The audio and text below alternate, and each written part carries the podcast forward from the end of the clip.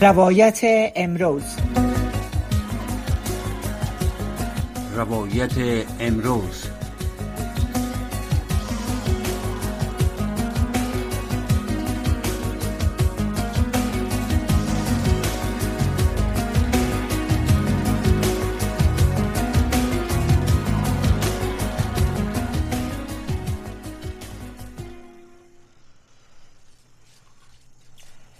بینندگان و شنوندگان محترم سلام.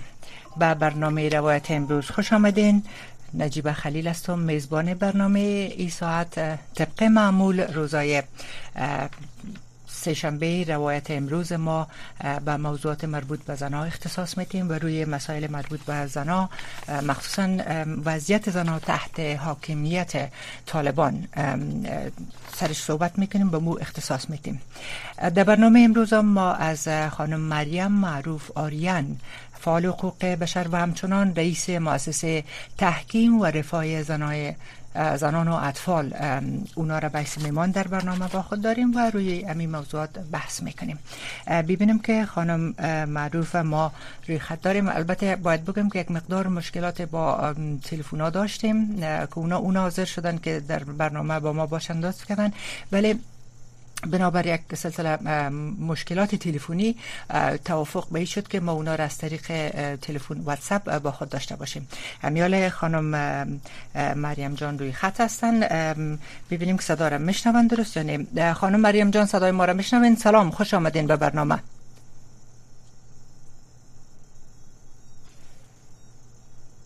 صدا را میشنوین شما به شما بانو خلیل گرامی آرزو دارم خوب سعدمند عافیت باشین وقت شما نیکو و همچنان وقت تمامی شنونده های عزیز شما. سلامت باشین. بیاین که امروز از امی شما خب از وضعیت زنای افغانستان از نزدیک اونا شما واقف هستین و تقریبا دو سال از حاکمیت طالبان مگذره آنچه که شرایط زنا و دخترها از شما کاملا آگاهی دارین از نزدیک می‌بینین. مگر بیان که از این شروع کنیم از امی واکنش به گفته اخیر آقای حبت الله خانزاده که رهبر گروه طالبان که اونا گفتن که در حاکمیت طالبا زنا از اجتماع حذف و حقوق اونا نقص شده. البته نشده. رهبر طالبات در تازه ترین پیام خود گفته که حقوق شرعی زنها در افغانستان تامین شده و علیه مظالم بر آنان اقدامات صورت گرفته. یعنی ظلمی که علیه نو صورت می گرفت علیه زو اقدامات صورت گرفته و زنها یعنی به حساب اونا میگن که زنا فعلا در شرایط بهتر قرار دارن در مقایسه با گذشته. کیر البته سخنگوهای طالبان هم در گذشته با ما شریک ساختن با ما گفتن این مسائل. شما چی میگن نظر شما چی است در این مورد؟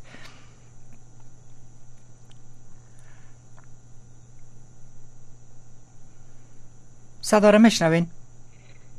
خیلی سپاسگزار شما. بدون شک مردم افغانستان و خصوصا زنان افغانستان به دقت قضایای افغانستان را زیر نظر دارند خصوصا به عنوان که در نزدیک به دو سال گذشته در برابر تمامی سیاست های متاسفانه انسان ستیزانه و زن ستیزانه گروه جمع حاکم در افغانستان و گروه طالبان سادگی کردن و بدون شک پیام رهبر از اینا به دقت مطالعه کردن. هرچند باید در نخست این گونه بیان بکنم بانو خلیل گرامی که تمامی آنچه که در این پیام منتشر ساخته شده اگر شما مطالعه بکنین اصلا جا نداره که بتانیم روی صحبت بکنیم. بر ازی که در کنار ازی که دروغ مز هست خیلی خیلی هم فاصله داره از شریعت و اصول های انسان پسند در قرن 21 ولی اگر در سطح کل بیان بکنم معلوم نیست که رهبر بر اساس چه منطقه؟ بر اساس چه استدلاله و بر اساس کدام گوشه از دین مبارک اسلام فکر می‌کنه که حذف هدفمندانه زنان افغانستان از اجتماع افغانستان محرومیت زنان از حق کار و وظیفه محرومیت زنان از حق رفتن به مکتب و دانشگاه. حکومت که معلوم نیست تا چه زمان سرپرست خواهد بود. حکومت خودخوانده طالبان که در یک خانم حضور ندارد و نهایتا حتی محروم زنان افغانستان از رفتن به پارک ها از رفتن به باشگاه ها از رفتن به حتی امام های عمومی در کجای شریعت در کجای دین و در کجای اصول های انسان پسند جا داره که اینا میگن که حقوق زنای افغانستان تامین شده. بانو خلیل گرامی ما بارها در برنامه هایی که با اعضای طالب ها در رسانه های افغانستان داشتیم به وضاحت کلام بیان کردیم که شما شش حق اسلامی و انسانی زنای افغانستان را بگوین که پس از آمدنتان در افغانستان شما تامین کردین. بگذاریم از که چقدر حقوقشان را زیر پا گذاشتین. بگذاریم از که چقدر استبداد و ظلم را علیهشان روا داشتین. بین شش حق از اینا رو بگوین که شما تامین کردین.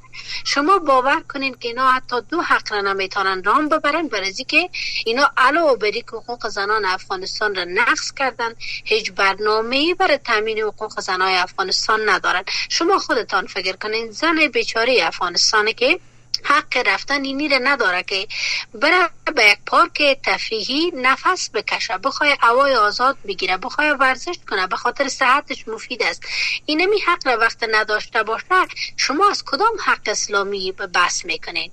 طالب ها از کدام حقوق اسلامی زن افغانستان بس می‌کنه و در این زمان در شرایط کنونی که ما در افغانستان در قرن 21 قرار داریم و زندگی می‌کنیم چطور ممکن است که با تفکرات 14 سال قبل شما بیایید زنای افغانستان را در خانه هایشان زندانی بسازین و پس از او با تمامی دیده درایی بگوین که حقوق زنای افغانستان تامین شده.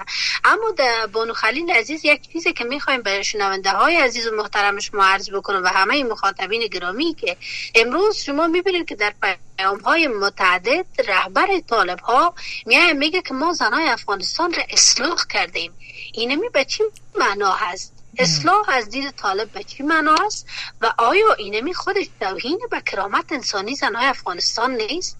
حتی به مردای افغانستان نیست؟ یعنی به این مفهوم که حداقل حداقل نمی‌دونه گذشته زنهای افغانستان یعنی خواهر هر مرد افغانستان مادر هر مرد افغانستان خانمش اصلاح نبوده و مردم افغانستان باید مدیون طالب باشه که زنهای افغانستان اصلاح کرده و وام این رقم اصلاح که از جامعه حزبشان ساخته بنان تمنا داریم که مردم افغانستان این مسائل را سطحی نگری نکنن این مسائل را به دقت مطالعه بکنن و بله. داشته باشن.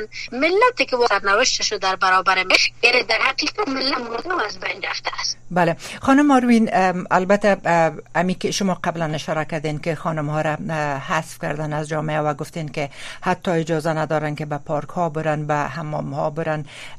و اخیرا یک خبر دیگه شما شنیدین سه چهار روز پیش که خانم هایی که در سپین بولدک قندهار در بخش مهاجرت مهاجرین کار می‌کرد اونا را از اونا خواسته که خانه بشینن تا امرسانی و در هر حالتی که وقتی که خانم ها رو میگن که خانه بشینن تا امرسانی و اجازه رفتن به پارک و یا حمام ها یا اجاره نمیتن.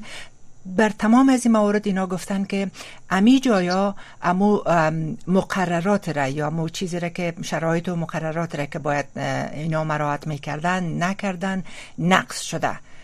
ایره شما به این باور هستین؟ در قسمت چی میگن؟ آیا واقعا نقص شده شرایط امو مقرراتی که وضع کردن؟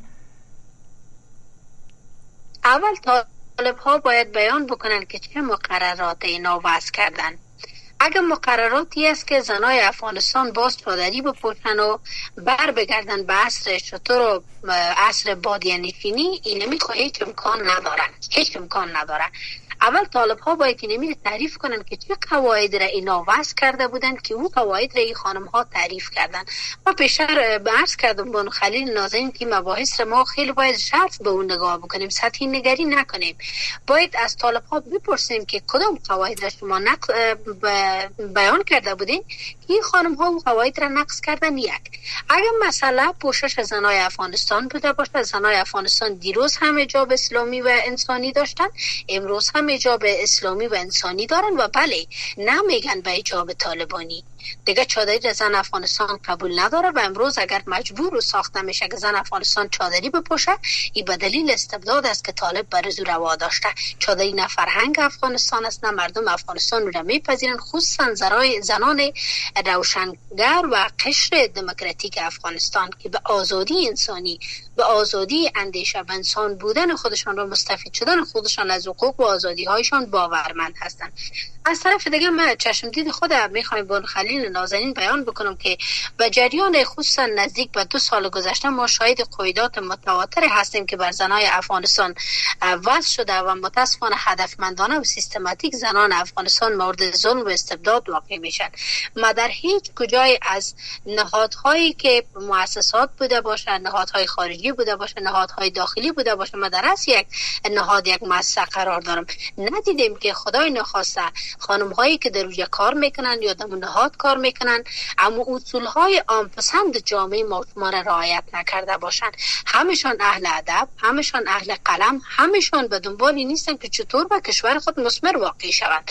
طالب تمام این مسائل را بهانه می‌گیرند تا زنای افغانستان را از جامعه افغانستان بتانن حذف بکنن و در این زمان به گروگانگیریشان متاسفانه ادامه بدن که از آمریکا از جامعه جهانی از اتحادیه اروپا و خیلی از کشورها و نهادهای دیگه که در سطح جهانی فعالیت می‌کنن و متاسفانه از قضایای افغانستان متضرر هستند به نفع زنها بتانه از اونها باجگیری بکنن امروز شما می‌دانید که در تمامی مباحثی که زنان افغانستان دخیل هستند در شرایط کنونی متوجه میشین که تمامی تلاش برای حذف زنان افغانستان است تا حمایت از زنان افغانستان.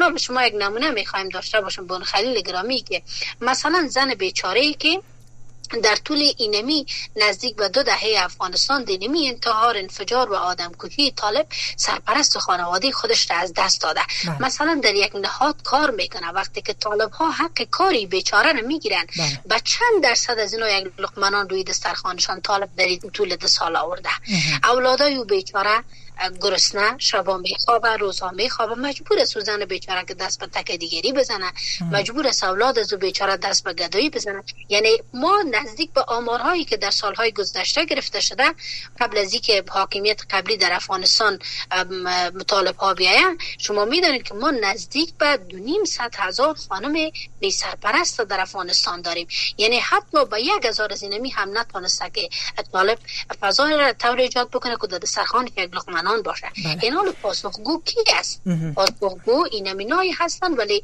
مردم افغانستان چون استادگی ما شما نمی‌کنیم. اگر ما را حق کار محروم می‌کنه بیرون بشیم اعتراض می‌کنیم بیشتر از 50 از نفر نیستیم.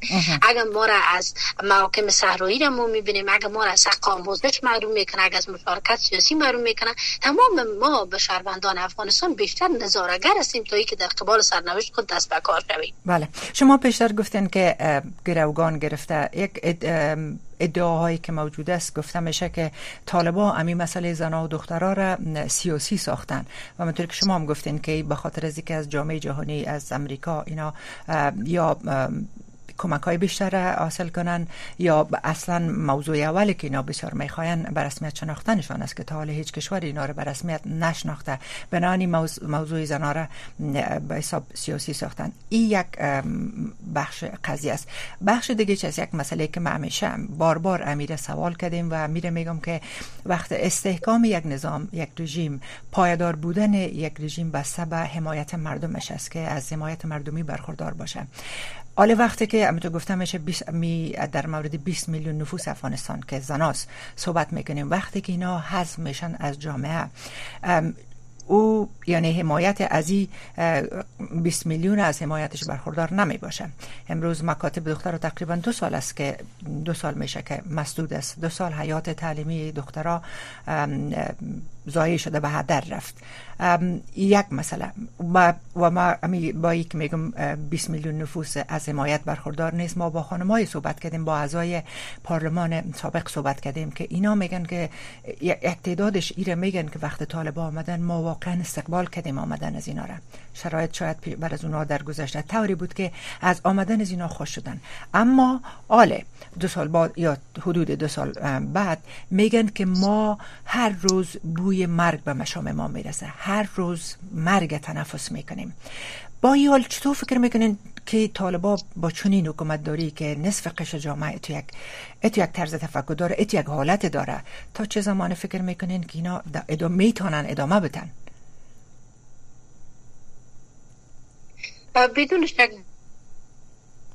خلیل گرامی ابتدا باید یک نکته را یادآور شوم که امروز مردم افغانستان زنای افغانستان قربانی اونمو کوتا فکری های هستند که در گذشته دیگرها انجام دادن و فکر کردن که طالب تنها بدیل افغانستان است و امروز قیمتش را زنان مظلوم و بیچاره افغانستان خصوصا نسل می‌پردازه که در طول 20 سال گذشته در دامن افغانستان اینا بزرگ شدن بنان به اونمو اندازه که کسایی که افغانستان را فروختن طالبا اینا هم به اونمو اندازه در برابر مردم افغانستان مسئول هستند و باید پاسخگو باشند.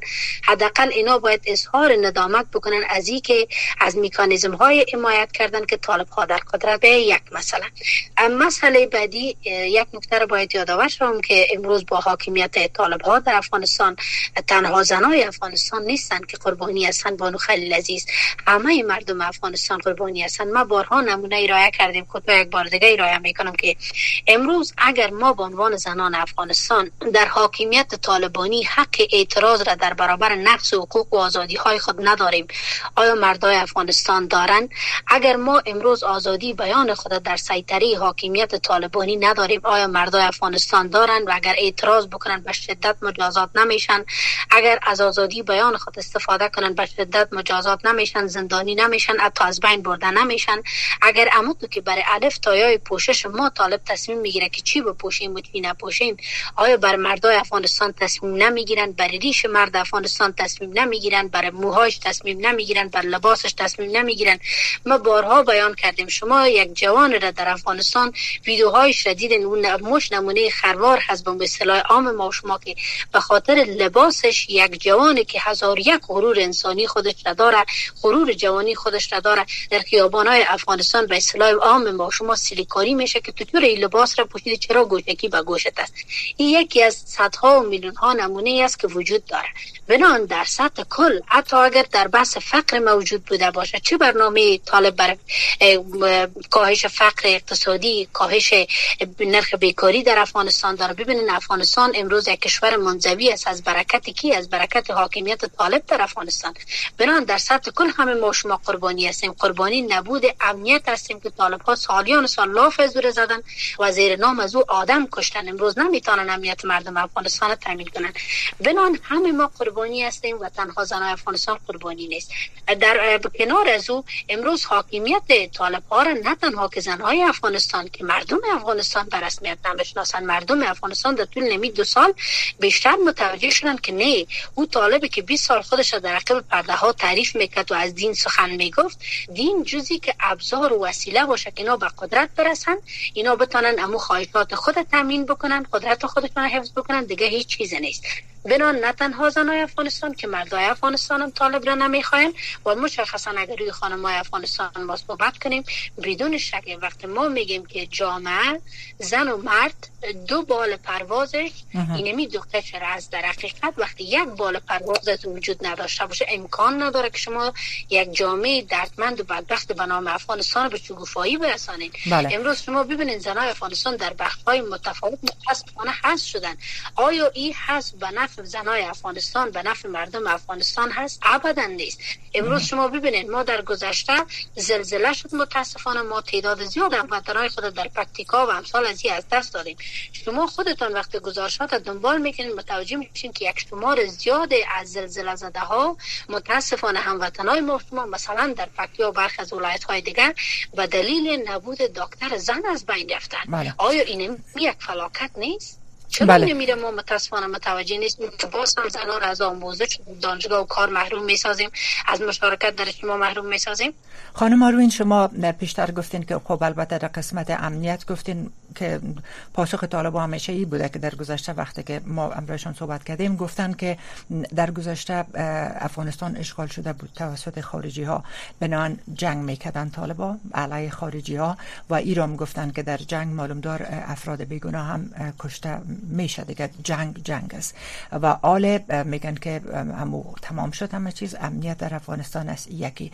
بخش دیگه گفتین که تنازنا نیست. ایر البته می انتقاد شما را بسیار کسای دیگه هم ایره گفتن که تنها زنای افغانستان قربانی نشدن در افغانستان مردا هم. اما حداقل وقتی که می‌بینیم شرایط مردا مثلا مردا از رفتن به امام منع نشدن از رفتن به پارک ها منع نیستن و کارهای خود یک تعدادشان البته ادامه دادن. یعنی اون او قیوداتی که سر زناس سر مردا به این نیست. و شما همچنان ایره گفتین که مثلا اعتراض نمی‌کنه. مردم آرام شیشته که خانم مبراین روی جاده ها یک تعداد معدود است. و مردا جرأت نمی‌کنن. که براین به حالا به هر دلیلی است. فکر میکن به نظر شما یکی که اول ای که جرأت نمی‌کنن آیا به خاطر ازی که میترسن از طالبا به نوعی که شما توضیح دادن به این مفهوم است که گویا اما ظلم و شکنجه و بدترین اختناق است که اینا نمی‌تونن که از خانه خود براین یا جرأت کنن که روی سرکا براین این سیایی که یک تعداد خود طالبان میگن که مردم راضی از ما مردم خوش است بسیاری مردم. شما چی فکر می‌کنین؟ چرا از همکاری آقایان یا مردا شما که امرایتان یک جای شو همگام شو و هم صدا شو امرایتان برخوردار نیستین؟ اول یک نکته را باید بیان بکنم که آنچه که طالب ها بیان می‌کنن که جنگ بوده و کشته شده و از بین رفته اگر اینا واقعا به این باور هستن که جنگ بوده و کشته شده و از بین رفته و این همه ما در 20 سال گذشته شهید داریم در 20 سال گذشته ما یتیم و بیچاره و بیوه و بی سرپرست داریم آیا یک بار هم اینا وجدانی فکر کردن که قتل عمد یک فرد بیگناه در دین مبارک اسلام چه جایگاه داره این که به میلیون ها و صدها و هزارا برسه و در 20 سال گذشته وجود داشته بگذاریم قصه از کنار. و اگر قرار به ای است که اینا طبق دین مبارک اسلام رفتار می‌کنن گویا با اصطلاح خود از اینا و میگن که جنگ بود و از بین برده شد یک بارم اتفاق افتاده که اینا به خاطر از او احساس ندامت کرده باشند. اینا هر بار که از 20 سال یادآوری می‌کنیم بازگردن خودشان را بیشتر فربه می‌کنن و میگن که ما جهاد کردیم.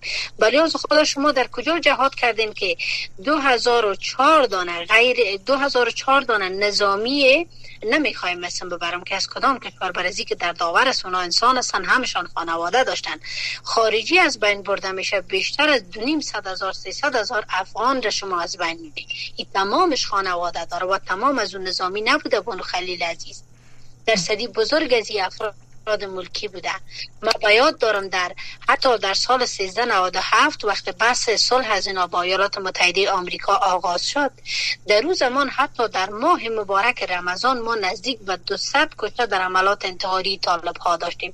از اینا خواسته شد که شما بیاین به برکت ماه مبارک رمضان حداقل انتحار انفجار نکنین. اینا گفتن که ده برابر بیشتر ثواب دارن نسبت به زمان دیگه که ما انتحار انفجار ما یک نمونه به شما دادیم. شورای زنبق مردم افغانستان فراموش نمی‌کنم. ما نزدیک به 200 نفر متاسفانه تنها در جمله کشته شده ها داشتیم بانو خلیل عزیز بر حال بس اساسی است که طالب ها هیچ گونه ندامت از کشتار 20 سال گذشتهشان ندارن. او را غرور افتخار فکر می‌کنن. اگر یک خارجی را از بین بردن که قطعا از بین بردن از او را هم طالب ها حقش را نداشتن او بحث جدا داره که انسان بوده و خانواده های خودش را داشته و بیشتر برای حمایت از مردم افغانستان بوده. اما در بحثی که به خاطر یک خارجی حتی اگر فکر کنیم که کار از اینا درست بوده اینا ده ها شهروند افغانستان را از بین بردن که باید در برابر مسئول پاسخگو باشن. دیگه بس دیگه در مورد مردهای افغانستان گفته شده. امروز ما مثلا می‌بینید که فرض کنین وقت دخترای افغانستان حق رفتن به دانشگاه نداره مثلا مردای افغانستان داره. آیا مردای افغانستان وقت میرن به دانشگاه دروس دانشگاهی میآموزن؟ نه. دروس افراطی را می آموزن که فردا یا طالب میشن یا دایش میشن یا به فرد از گروه های توریستی دیگه متاسفانه تبدیل میشه. تمام آنچه که در اوجه بیان میشه دروس افراطی است که قربانیش باز هم جوانا و مردم افغانستان است و مدرسه سازی از اینا که متاسفانه قصه جدا است که همه روزه ما شاید افزایش دو هستیم. در باب اخیر صحبت های شما که بیان کردین که چرا مردای افغانستان در افغانستان یک نکته بسیار تلخ از بانو خلیل عزیز ولی ما مجبور مجبور هستیم که بیان بکنیم به عنوان زن افغانستان که در افغانستان متاسفانه فرهنگ حمایت از زنان و اعتراض هنوز هم نهادینه نشده. هنوز هم مردان افغانستان در این راستان نتانستن خوب در عمل بکنن. هرچند من قلبا مدیونشان هستم که فعالانه در جنبششان به های ارغوانی برادرای ما در کنار ما استاده هستند و ما کارزار را قبلا داشتیم زیر عنوان ما زنان افغانستان را حمایت می‌کنیم. در حقیقت این اشتراک یا این کارزار توسط مردان افغانستان در جنبششان به های ارغوانی رشد داده شده و کار شده اما باز هم کفاف نمی‌کنن و طرف دیگه دلیل دیگه عدم مشارکت مردان افغانستان در کنار زنان افغانستانی است که شما می‌دانید که اگر اعتراضات صورت بگیرد و مردان در اون مشارکت داشته باشند بیشتر از زنان متاسفانه مورد شکنجه بازداشت توهین و تاخیر و حتی ممکن قتل قرار بگیرن بران این ترس هم متاسفانه یکی از چالش های اساسی است. دیگه در کنار از او امروز متاسفانه بحث زنان افغانستان در میان اکثریت مردهای افغانستان اولویت نداره مثلا اولویت این نیست برای درصدی بزرگ از مردهای افغانستان متاسفانه که دخترشان مکتب بره یا نره. اولویتشون این است که یک لقمه در روی دسترخوان وجود داشته باشه بران تمام از وقت کنار یکی قرار می‌گیرن ما شاهد می‌کنیم که مردان افغانستان کمتر در اعتراضات در کنار زنان افغانستان استادگی دارند. اما در این اواخر فضا تغییر کرده و ما امیدوار هستم که ما زنجیرهای ترس را و قفلهای ترس را که در نزدیک به دو سال گذشته ما در دهن خودمان داشتیم را بشکنیم. تا چه زمان باید خاموش باشیم؟ ما بارها بیان کردیم که خاموشی و ترس ما بزرگترین اسلحه طالبان است. یعنی از اینمی ترس از اینمی که طالب ها استفاده می‌کنن. من صمیمانه از خانواده های عزیز خواهش می‌کنم که امروز دختر شما وقت از رفتن به مکتب محروم است. فردا یک مادر بی سواد متاسفانه به جامعه تقدیم میشه. این مادر بی سواد دختر هیچ خارجی دختر هیچ آمریکایی دختر هیچ اروپایی دختر هیچ پاکستانی و ایرانی نیست. این دختر شهروند افغانستان و شما است که شهروند افغانستان هستین و این آینده افغانستان را متاسفانه تباه می‌سازه شما می‌دانید که با سوادسازی یک مرد با سوادسازی یک شهروند است یک انسان است. بله. اما با سوادسازی یک زن با سوادسازی یک اجتماع است. بله. خانم ماروین البته این مسئله را می‌خواستم پیش شما گفتین که خانم ها را که دلیل از که چیز اولویت در اولویت قرار نداره که مردا حمایت کنن از خانم ها مسئله حق کارشان حق تحصیل. مگر سوالی است که خب این همونطور که شما گفتین که نه تنها زنها از حق حقوق انسانی خود محروم شدن مردا هم آزادی های لازمه ندارن مورد خشم خشونت قرار می‌گیرن. از این خاطر این مردا نه تنها به خاطر حمایت از زنها بلکه به خاطر خودشون وقتی که حق و حقوق شما سلب میشه شما بدون شک زدیت دارین یا مخالفت دارین با اون نوع نظام هر کسی که باشه برند موجودیت مردا که با زنها در اعتراضات اشتراک کردن به این مفهوم می‌تونه باشه که اگر اینا خواسته باشن که در واقع در پولیس قرار دارن از حق و حقوق خودم دفاع می‌کنن. به خب یک جهان تشکر خانم آروین عزیز شما لطف کردین در فرصت بسیار کوتاه حاضر شدن که در برنامه با ما باشین و امیدوار هستم که در آینده باز هم شما را ما در برنامه خود داشته باشیم. آنچه که البته شما گفتین نظر خودتان بود. سلامت باشین روزتان بخیر. انشالله بازم باز صحبت خواد کردیم. شنونده و بیننده های عزیز البته برنامه سلامت باشین. شنونده و بیننده عزیز برنامه روایت امروز در اینجا به پایان می‌رسه ما تا چند لحظه دیگه یکی یک نیم دقیقه دیگه باز هم با شما خواد بودیم در با برنامه ستا سوغک یا صدای شما با همکار محترم نوشابه جان که آمادگی داره بیایه به استودیو.